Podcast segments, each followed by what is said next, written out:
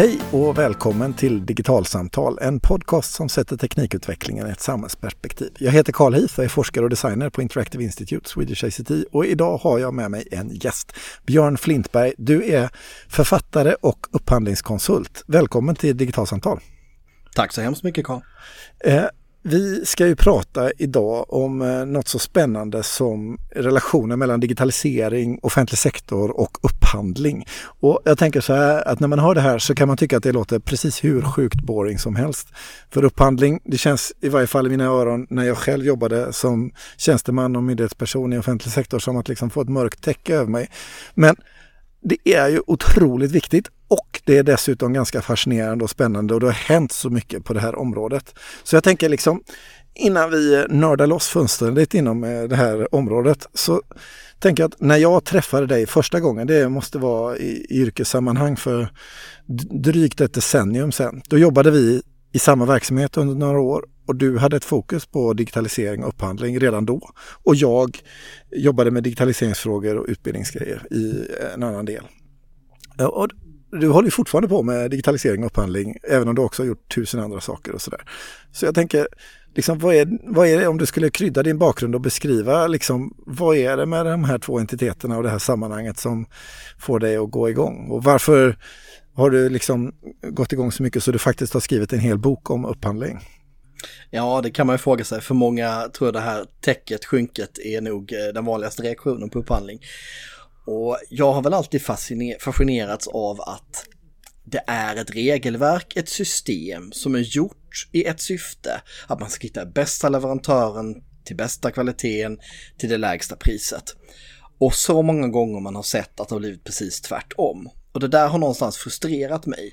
För det finns ju ett regelverk och det borde gå att konstruera reglerna på ett sådant sätt att man faktiskt får det man vill ha. Eh, och som du ju vet Karl så är jag ju lite spelnörd och det här med att, att hitta system och hitta strukturer som, som ger, eh, ger beställaren det man vill ha har fascinerat mig länge. Och eh, redan för ett decennium sedan tänkte jag på det här och då handlade det om en slags lojalitet mot, mot den arbetsgivaren man hade, att man ville ge det bästa möjliga. Eh, men jag har ju fortsatt att fascineras av det här, jag har fortsatt att se roliga, spännande exempel men också ganska skrämmande exempel på hur offentliga verksamheter ibland hamnar väldigt snett eh, av olika anledningar. Och det var därför jag skrev Upphandla rätt och lätt eh, tillsammans eh, med ett förlag som heter Komlit och den kom ut förra året. Eh, och den är ju riktad mot offentlig sektor. Och, och liksom, då tänker jag så här att ja, jag själv har ju liksom tusen exempel eh, bara i min egen liksom, byrålåda på just de här utmaningarna. Och liksom bara så sent som förra veckan så stod jag inför en situation där eh, en eh, eh kommunal aktör vill köpa en eh, produkt. De skulle köpa sådana här eh, små eh, plastpluppar som man stoppar knappcellsbatterier i. Och när man tittar i liksom upphandlingssystemet överhuvudtaget så hade de ju inga sådana utan de skulle varit tvungna att göra det som jag för mig kallas för en enkel upphandling, kan det stämma? Ja, eh, på, på ja. beloppet. Men ja, ja, men det var en liten, liksom, de skulle liksom inte mycket pengar. Men de skulle köpa sådana här eh, grejer. Och eh, då tittade de på ett antal eh, leverantörer som de kunde titta på och så inser jag att jag skulle kunna köpa dem för liksom, bokstavligt talat en hundradel av kostnaden om jag själv egenimporterar dem från Kina. Och eh, få dem snabbare och enklare och sådär.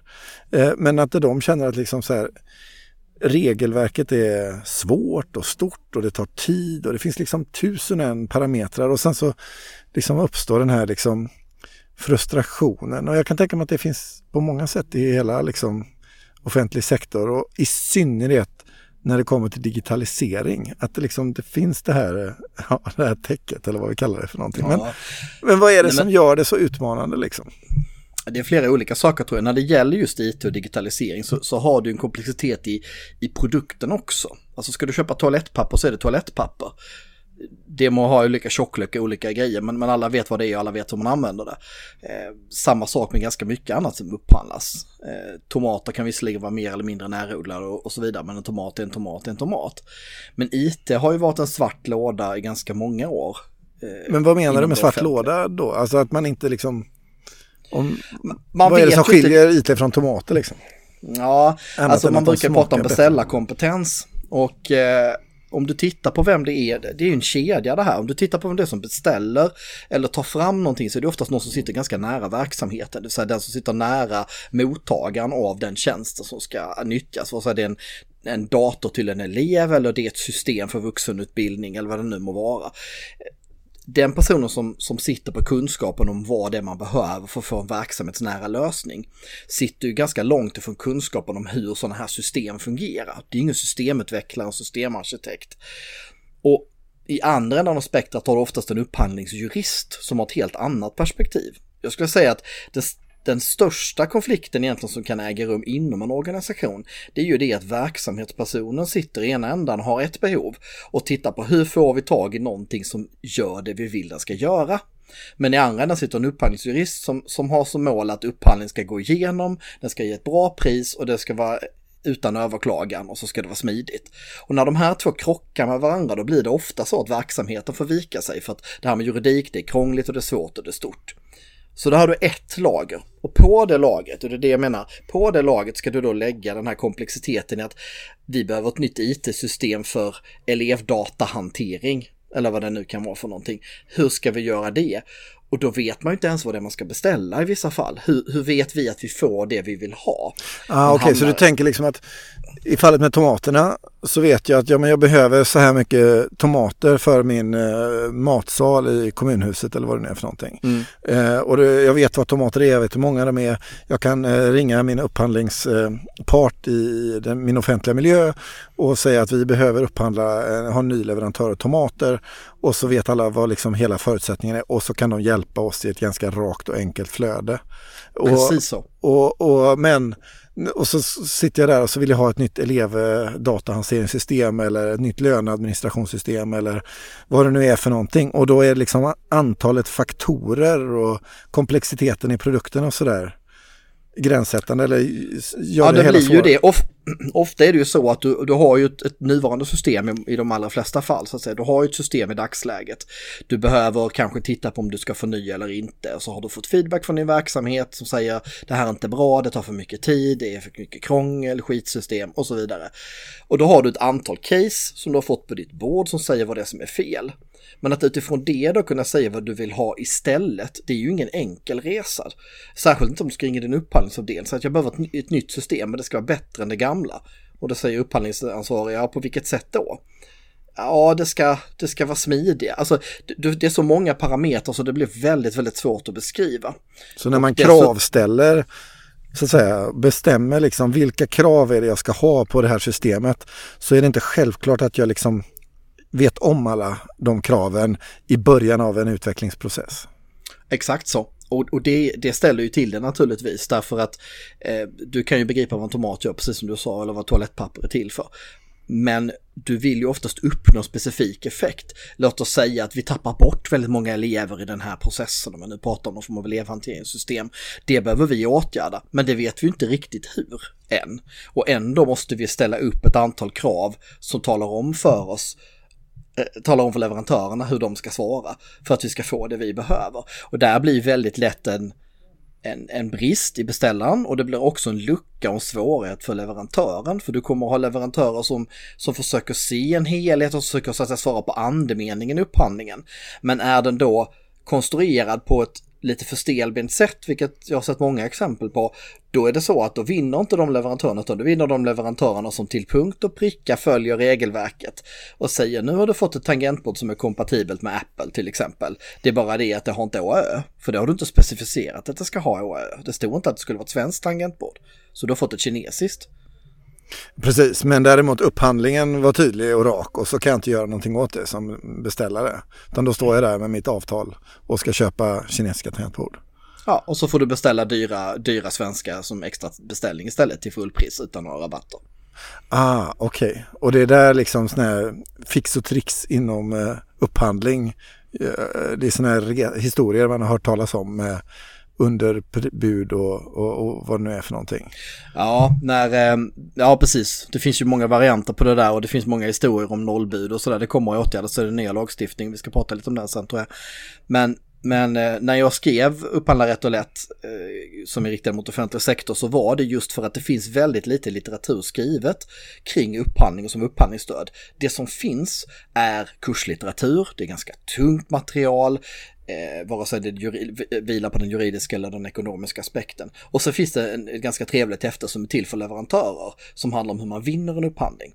Och jag ville skriva en spegelbild till det som handlar om hur man kravställer, hur man beställer i offentlig sektor och inte utifrån upphandlingsjuristernas perspektiv utan från de som sitter i verksamheterna. Ja, för där är det ju liksom en utmaning och det är ju att eh, inom upphandlingsområdet och inom digitaliseringsområdet så har man ju liksom spetskompetenser i båda de områdena. Vi har eh, inom eh, vår organisation de som jobbar med expertis inom digitalisering och sen har vi våra upphandlingsexperter och sen har vi de som är så att säga verksamhetsexperter också. Eh, och historiskt sett så har ju de här eh, ytorna varit ganska långt ifrån varandra men gradvis så har det blivit i många verksamheter så att digitaliseringen har kommit att förändra själva verksamhetens grundkärna. Man kan nästan prata om liksom det börjar uppstå helt digitaliserade grundläggande tjänster inom offentlig sektor och där liksom expertisen och kunskapen om systemet rimligen borde finnas längst ut i verksamheten. Och, och, och hur man liksom hanterar den berättelsen och det samtalet och bygger de kraven tänker jag just också i relation till hur fort det går. Det måste ju vara enastående jobbigt när man sitter med en upphandlingskonsult och man ska ha avtalstider. Hur tänker man där liksom? För jag menar, om jag tänker tillbaka, hade jag beställt eh, ett system på ett liksom femårigt avtal eh, före Youtube och så kommer Youtube liksom, eller ta iPads eller vad det nu är för saker som dyker upp liksom, som jag inte kunnat förutse. Det där måste ju liksom skapa jättestora utmaningar på, på upphandlingssidan. Ja, det gör det. Och det, det, därför så när man pratar IT-upphandlingar så brukar jag alltid rada Eh, de jag jobbar med att, att ska ni ha det på fem eller sex år så tar då två plus två plus två istället för fem år rätt upp och ner. Så har man möjlighet att bryta och det behöver inte vara för att avtalet är dåligt eller att man är missnöjd utan det kan vara att förutsättningarna har förändrats på så snabbt sätt att det helt enkelt behövs en ny upphandling för att det är helt andra premisser i dagsläget än vad det var tidigare då. Eh, men det är precis det här som blir problematiken för det du beskriver det kan jag också skönja ganska tydligt att, att du har verksamheten å ena sidan du har tekniken å andra sidan och du har juridiken och tredje sidan. Och det som har hänt är att tekniken har ju närmat sig verksamheten. Det blir vanligare och vanligare att man ute i verksamheten får ett bättre och bättre grepp. Det finns naturligtvis en stor skala och en stor bredd där också. Eh, men det en, finns ändå ganska gott om verksamheter nu som har börjat förstå tekniken bättre och bättre, som blir bättre och bättre på den delen. Men man är fortfarande ganska långt från den juridiska biten, att förstå lagarna och reglerna och vad man kan och inte kan och vad man får och inte får göra. Så här kan liksom, så blir liksom juridiken i praktiken gränssättande för, för möjlighet att innovera egentligen, kan man säga det? Ja, det kan man absolut säga. Jag skulle säga att det är huvudpoängen i, i, i upphandla rätt och lätt, alltså att man måste från verksamhetens håll ställa krav på sin upphandlingsavdelning att att inte vika ner sig så lätt så att säga, utan att, att ta lite fighten ibland och säga men det här är viktigt att det funkar på det här sättet. Lös det juridiskt, se till att det blir skrivet på ett sånt sätt att jag får med den här viktiga aspekten om vad det nu kan vara, feedback eller eh, elevhantering eller föräldrahantering. Och det tror jag är oerhört viktigt om man ska göra det. Man har ju uppmärksammat det här när man tittar på hur man kan förbättra upphandling ute i organisationerna. För det här, det här är någonting som faktiskt ägnas en del kraft åt på regeringsnivå. Och det man Förlåt.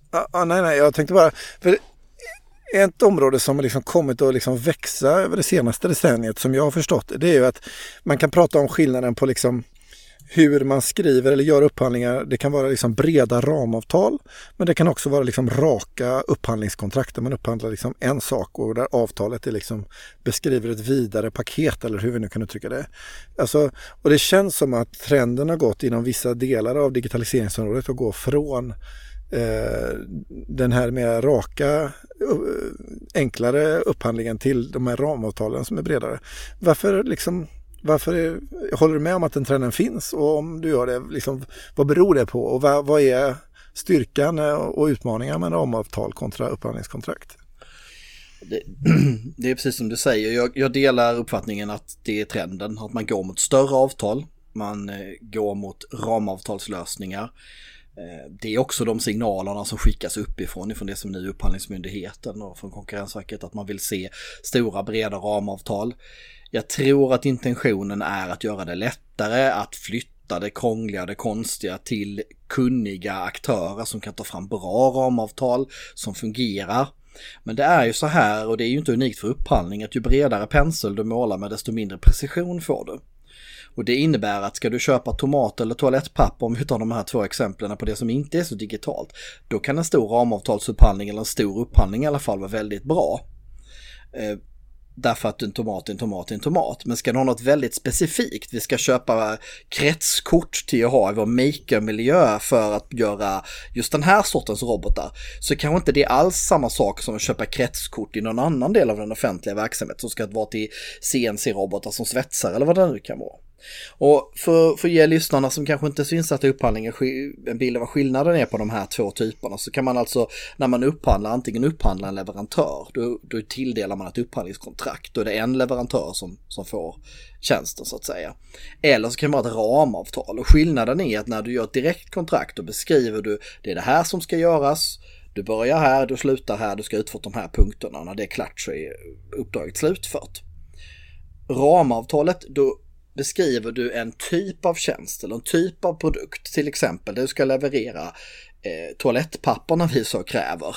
Och det ska ske på de här sätten och till de här adresserna vad det är. Men vi kommer göra avrop som det heter. Vi kommer alltså begära när du ska leverera den här tjänsten. Den vanligaste som man kanske tänker på det är ju konsulttjänster inom IT.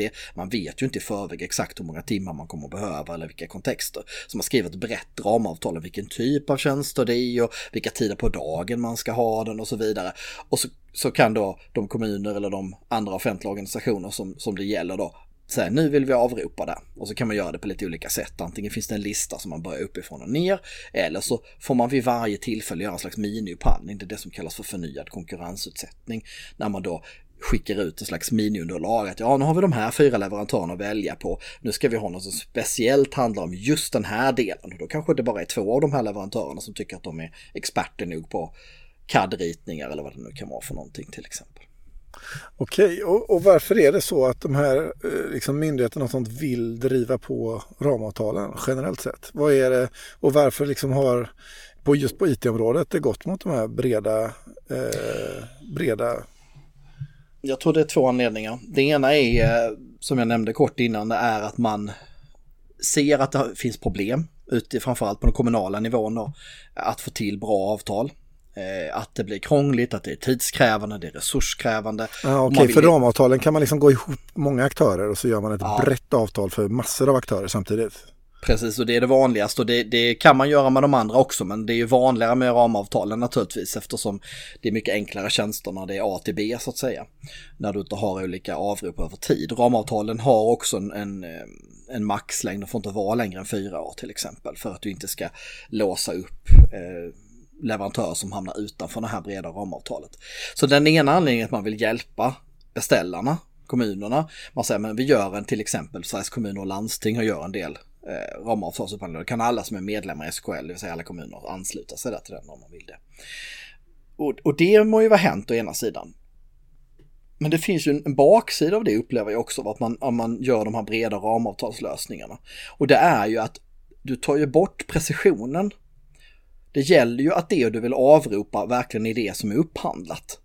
Exempelvis om du har upphandlat eh, nu ska, vi inte, nu ska vi inte ta något icke-digitalt, till exempel målartjänster, men det är inte så digitalt. Men låt oss säga att du har upphandlat en leverantör av kretskort. Då kanske den är utformad med åtanke att det ska handla om kretskort för de som ska bygga egna datorer eller till teknikprogrammen eller vad det är.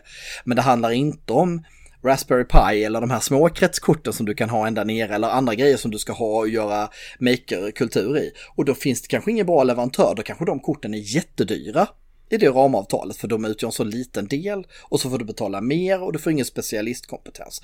Så att man kan hamna snett där också så att man måste titta på varje enskilt case. Hur hög är beställarkompetensen? Vad är det jag vill ha? Finns det någonting som jag kan ansluta mig till och som jag kan använda och avropa på där vi redan är med. Är det kanske till och med så att jag är tvingad att använda ett ramavtal eh, som finns? För det är ju så att det har du redan upphandlat inom din entitet i en bindande form där det redan finns ett bindande avtal. Ja, då kan du inte gå ut och göra en egen upphandling bara för att du tycker att det är skoj. Eh, och det är lite olika hur de här anslutningarna går till, så det kan man inte säga generellt, utan det får man kolla med sin upphandlingsavdelning om man är är bunden till ett hängavtal på, på ramavtal eller om man inte är bunden så att säga. I vissa fall så kan det vara frivillig anslutning så att säga. Att man får men, men inte måste avropa. Men alltså de här, eh, byter jag spår lite grann, men alltså, vi har hållit på med upphandling ganska länge i offentlig sektor och ändå är det så att det finns så oerhört många kassa upphandlingar eh, någonstans och att det finns en liksom frustration över att måste jag välja den leverantören eller nu blev det ju jättedyrt. Eh, om jag bara går och handlar det här på min lokala affär så får jag halva priset. För det var det verkligen meningen? Och liksom, varför kan det vara så att det blir så många upphandlingar som är så dåliga, både för leverantörer och för upphandlande parter? Är, varför misslyckas vi så ofta i, i upphandlingsarbetet? Ja, det är ju en jättebra fråga. Eh, det är kanske en miljonfråga som jag önskar att jag hade det fulla svaret på. Vi har hållit på med upphandling länge. Det går tillbaka till Karl XII, så att det är 1700-talet. Eh, I de första, första tidiga försöken, så att säga. Eh, och det handlar ju om egentligen att man skulle kunna tro att det handlar om att få mesta möjliga värde per skattekrona, men det är egentligen ett sekundärsyfte. Lagen kom till från början och det är likadant med den EU-lagstiftning vi har idag för att egentligen skydda företagen från bristande konkurrensmöjligheter, det vill säga förhindra nepotism och den, den typen av så att säga, korruptiva eh, processer. Att vi inte lyckas bättre, det tror jag beror på att klimatet har hårdnat, inte minst inom it-segmentet. Det är väldigt tät konkurrens. Det är ofta när det gäller systemlösningar i alla fall väldigt få aktörer, det vill säga det finns bara en handfull aktörer som levererar den här typen av väldigt specifika tjänster inom till exempel vuxenutbildningsadministration eller elevdatasystem. Och det gör att det är ju kamp på kniven. Det är dessutom väldigt stora kontrakt många gånger, om det är många småkommuner eller det är stor, stor stad som Stockholm eller Göteborg eller Malmö, så det är väldigt, väldigt mycket pengar, en stor del av omsättningen som kommer på det här. Och det gör att företagen är ju tvungna att försöka vinna de här med alla medel. Och det gör att om man är lite för naiv när man skriver sin upphandling så hamnar man gärna i ett läge där det finns någonting som juridiskt kan angripas. Och motmedlet mot det, det blir ju att upphandlingsjuristerna i sin tur som sitter ute på de offentliga verksamheterna är ganska strikta i vad man får skriva och kan skriva. Och så är vi tillbaka till det här som vi pratade om för några minuter sedan om, om att man från verksamhetens sida får vika ner verksamhetskraven för att man ska klara sig igenom det juridiska nålsögat och inte riskera att hamna på en överprövning. Men med, med den här eh, liksom tajta, hårda konkurrensen och det hårda trycket inom upphandling. Liksom. Hur ska jag göra då när jag är ute i en verksamhet och faktiskt vill ha den här grejen och jobba på det här nya sättet med de här nya verktygen och, och tänka innovativt och så vidare. Det mm. känns ju att det liksom finns ju utrymme för viss frustration där, helt klart. Det finns absolut det, men man, allt är inte nattsvart heller. Man ska inte måla fan på väggen, utan det går alldeles utmärkt att göra det. Det man ska tänka på, mitt det första enkla, det finns lite olika sätt. Man har lanserat någonting som heter innovationsupphandling och det ska vi prata om, tänker jag, en liten stund. För det, det är ett intressant koncept och jag tror att det kommer att växa över tid. Idag är det mycket, mycket få upphandlingar som kan klassas som innovationsupphandlingar. Och jag tror det kommer att dröja tills det blir ett faktiskt begrepp i lagstiftningen. För det är det inte idag, utan det beskriver mer en metod, en process och ett sätt att jobba. Men det kommer, är jag övertygad om. Det Om vi skulle liksom nörda lite grann på det där. Alltså mm. vad, hur kan man beskriva innovationsupphandling som metod? Ja, man, man brukar prata om att man samlar olika aktörer. Man istället för att beskriva funktionalitet man vill ha så beskriver man vilket mål man vill uppnå. Och sen så låter man aktörerna så att säga på marknaden vara med och diskutera sig fram till den här lösningen. Och det man ofta får göra det är att man får använda ett förfarande. Förfarande är alltså de formella metoderna som finns. Som heter förhandlat förfarande. Det finns lite andra varianter på det där också. Men man behöver helt enkelt ha en dialog med de tänkta leverantörerna, anbudsgivarna. Upp till en viss punkt kring att beskriva problematiken. Och det är just för att hantera den här typen av komplexa eh, system eller lösningar eller beställningar där man inte riktigt når målet. Okej, okay, så vad jag gör egentligen då det är att jag inte, jag säger inte att jag specifikt vill ha det här systemet med de här egenskaperna för den, det, den har jag inte den kunskapen. Utan det jag säger det är, jag har det här problemet och jag vill ha ett system som kan lösa det kan ni eh, det så var med i den här upphandlingen och så får de komma in med synpunkter på hur man skulle kunna lösa det och så pågår någon form av process där, där jag Precis. tar in information, förtydligar mer vad jag menar, lämnar ut mer information, leverantörerna kommer in med mera information och så pågår den processen så att säga till dess att jag har ett anbudsunderlag som jag är tillfreds med. Ja, ungefär så. Och det finns olika varianter. Konkurrenspräglad dialog och förhandlat förfarande är den formella termen som man ofta använder. Men, men och då innebär att man använder nya sätt att lösa det här på. Och då gör man det fram till som du beskriver, tills man känner att nu har jag fått svar på mina frågor som beställare. Nu tror jag att jag vet och, och, och ta anbudsgivarna till hjälp med hur ska jag ställa det här kravet för att det ska bli rätt, för att det inte ska bli fel. Och så kanske de olika anbudsgivarna har olika syn på hur man ska ställa det här kravet och vill ju säkert gynna sin, sitt sätt att lösa det. Då får man ju göra en bedömning där. Och sen säger man då i slutet, nu, nu är det här, nu är vi färdiga. Nu är den konkurrenspräglade dialogen om använder den modellen, nu är den klar. Nu stänger vi boken och då blir det ingen mer kontakt och då tar du de här, den här faktan du har fått fram och så formulerar du ett anbudsunderlag utifrån den och så kanske du väljer att skruva lite i poängen eller sådär och, och titta på hur du ska vikta de olika sakerna mot varandra. Och sen så kommer det ut ett anbud och då får de svara på det i vanlig ordning. Men de har själv varit med och plockat fram det där då.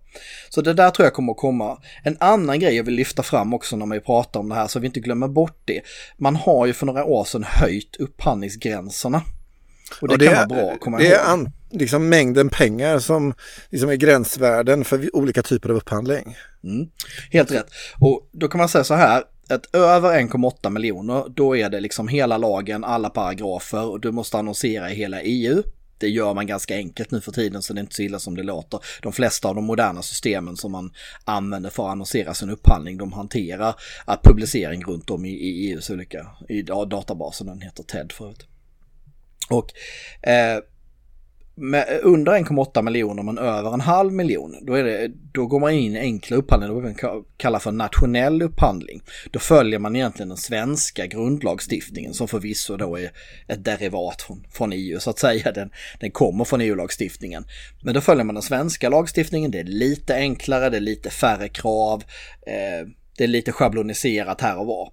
Men kommer du under 505 000 ungefär som är det lägsta värdet, då går du in i det som kallas för direktupphandling. Och det är tekniskt sett, rent juridiskt, inte en upphandling i bemärkelsen lagstiftningsmässigt. Eh, därför att LOU tillämpas inte på, LOU alltså lagen om offentlig upphandling, tillämpas inte på direktupphandlingar. Däremot så finns det föreskrifter för Konkurrensverket om hur man ska dokumentera det här. Och i samband med att man höjde gränsen ganska kraftigt Eh, från 280 000 ungefär till 500 000.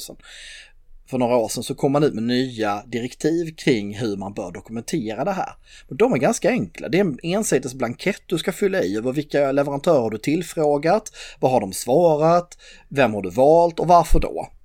Och så ska du kunna spara det. Och allting bygger egentligen på de här underliggande principerna som är stödet för lagen då. Det är att alla ska behandlas lika, att det ska vara transparent, att dina krav ska vara i proportion till det du vill ha och så vidare. Så att det där, det, det där, de principerna gäller alltid även för direktupphandling, men, men i övrigt finns det inga starka krav kring direktupphandling.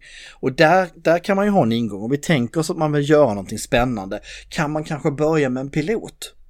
Kan man börja i lite mindre skala våga sig på det här och göra det som en direktupphandling eller ett test under en period. Och så kan man därefter lyfta det till kanske jobba med de här innovativa upphandlingarna. Nu kommer det en ny lagstiftning väldigt snart. Och vad innebär den nya lagstiftningen? Ja, det, det togs ett direktiv faktiskt redan 2014 i februari ett nytt EU-direktiv kring offentlig upphandling. Exakt vad det kommer innebära i svensk lagstiftning det vet vi inte än för Sverige har faktiskt bommat sin deadline. Den nya lagen skulle ha kommit 1 januari i år men man har inte hunnit. Utan nu så är beskedet att den kommer 2017 den här lagstiftningen då.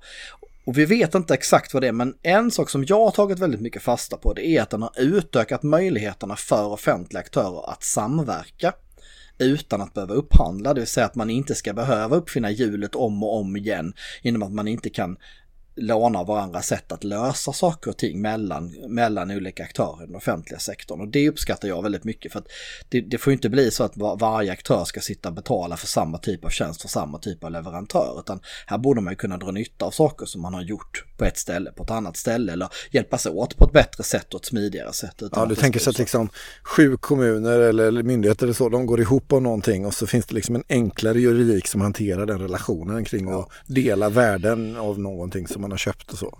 Precis, eller en kommun har kanske själv tagit fram ett verktyg för att göra X och så vill de dela med sig till en annan kommun av det här. Utan att det egentligen är mer pengar involverat än att man kanske vill eh, köpa lite utbildningstimmar eller ja. Ja, och i den digitala världen så är det väldigt ofta liksom helt enkelt copy-paste. Ja, eh, precis, alltså att jag precis. har gjort någon innovation som är helt digital och så vill jag dela den till tre andra kommuner. Ja, och, och, och då kan det hända att en nitisk upphandlingstjänsteman på, på en annan kommun säger men det där har du inte upphandlat. Ja men det är ju kommunal leverantör. Ja men fast det är inte upphandlat. Det måste upphandlas och det kan ju finnas en annan leverantör som vill leverera det. Och det där har man tagit ut svängarna lite med den nya lagstiftningen. Det hoppas jag ska slå igenom i den svenska lagstiftningen också. Det är, det är överhuvudtaget ganska mycket sådana här eh, kryphål som man har försökt att täppa till och så har man försökt att hjälpa till och göra det lättare för beställarna. Eh, om man tittar i underlaget som man har haft när man pratat om direktivet så pratar man mycket om beställarnas problem, det här som vi diskuterade inledningsvis. Hur svårt det kan vara att sätta sig in i det här och hur man ska underlätta för det på olika sätt. Om man ska eh, avslutningsvis här bara ge tre snabba tips till den eh, offentliga aktör som ska liksom komma in i och man står inför att digitalisera ännu mer och man ska inse att man står inför upphandlingsäventyr. Vad skulle du säga till den aktören liksom i det allra enklaste, snabbaste? Mm. Mitt första råd skulle vara att se till att vara eller bli påläst kring, det du, kring den teknik eller den lösning du ska upphandla. kan du inte tekniken själv så ta hjälp av någon annan som kan. Prata med någon på IT-avdelningen eller en IT-konsult som ni redan har inne så att säga kring hur det här systemet fungerar så att du får en koll på hur det innebär, innebär för verksamheten.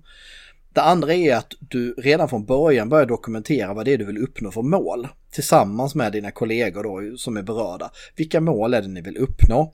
Och sen det tredje blir att när man pratar med sin upphandlingsjurist eller upphandlingskonsult eller vad man nu har i, i miljön att man vågar gå tillbaks till den här listan som man har skrivit ner. Det här är vad vi vill uppnå. Och att man prövar varje del av det underlaget som man får hjälp att ta fram mot den här listan och säger uppfyller vi de här grejerna med det här du har skrivit, ja eller nej? Och våga ta fighten lite grann kring det där. Eh, och det, det, tror jag att, att gör man det och man kanske dessutom har tid att sätta sig in lite grann i grunderna i upphandling själv, behöver inte vara några stora versioner man be behöver lära sig, men att man förstår principerna bakom och lite grann hur man kan jobba med kravställning på, på ett sätt som fungerar enligt regelverket. Så behöver man inte vara lika rädd för det, för upphandling kan faktiskt vara ett väldigt, väldigt bra verktyg för att tvinga fram leverantörer som verkligen vill lösa och kan lösa dina problem. Jag tror att vi får eh, stanna där. Tusen tack Björn för att du eh, var med i eh, Digitalsamtal. Eh, med det här så är dagens podcast slut. Hör gärna av er med kommentarer, tankar och funderingar i Facebookgruppen Digital samhällskunskap. Och har ni en fråga till oss så tveka inte att höra av er. Det går bra att skicka frågor på mejl och adressen är i så fall podcast.digitalsamtal.se och på Twitter finns vi på digitalsamtal. Prenumererar ni på podcasten genom iTunes får ni såklart skriva en kommentar eller ratea programmet. Och det gäller också andra ratingtjänster och sådär. För ju mer ni ratear och kommenterar oss desto högre upp hamnar vi på sökresultat och ju fler får möjlighet att hitta till oss. Så till nästa gång vi ses, hej då! Hej!